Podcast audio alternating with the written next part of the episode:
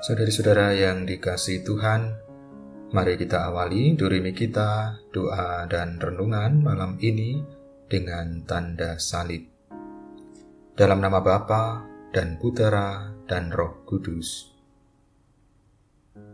Ketika seorang pria berjalan melewati sekumpulan gajah, ia tiba-tiba berhenti.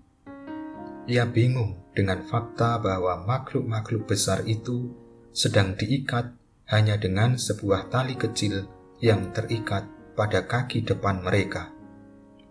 Tidak ada rantai, tidak ada kandang.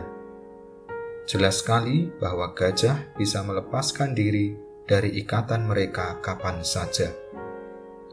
Tetapi entah untuk beberapa alasan mereka tidak melakukannya. Pria itu melihat seorang pelatih di dekatnya dan bertanya kepada pelatih tersebut, "Mengapa gajah-gajah itu hanya berdiri di sana dan tidak berusaha untuk melarikan diri?" Pelatih gajah itu memberi penjelasan, "Ya, ketika mereka masih sangat muda dan jauh lebih kecil, kami menggunakan ukuran tali yang sama untuk mengikat mereka sekarang ini. Pada usia tersebut, tali itu sudah cukup untuk menahan mereka. Saat mereka tumbuh dewasa, mereka dikondisikan untuk percaya bahwa mereka tidak dapat melepaskan diri. Mereka percaya bahwa tali tersebut masih bisa menahan mereka, sehingga mereka tidak pernah mencoba untuk membebaskan diri.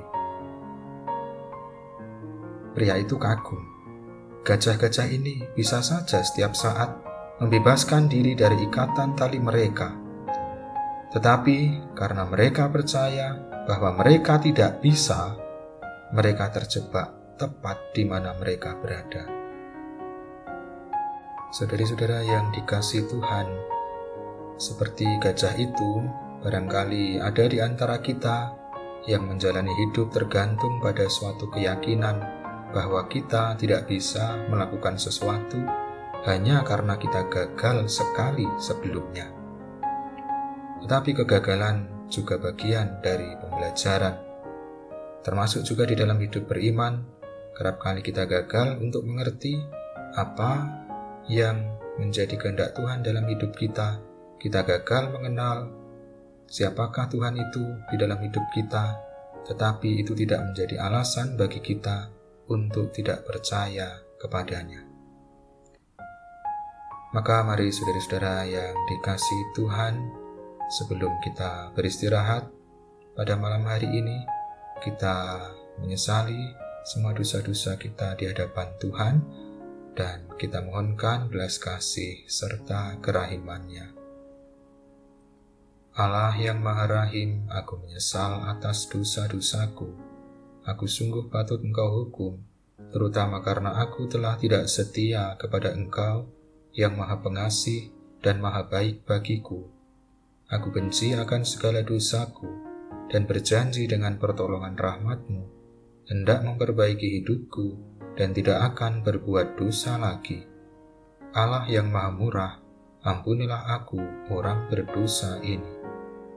Salam Maria, penuh rahmat Tuhan sertamu.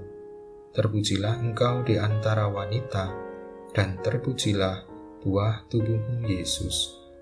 Santa Maria Bunda Allah, doakanlah kami yang berdosa ini sekarang dan waktu kami mati. Dan semoga istirahat kita malam ini senantiasa dilindungi dan diberkati oleh Allah yang Maha Kuasa, Bapa dan Putera dan Roh Kudus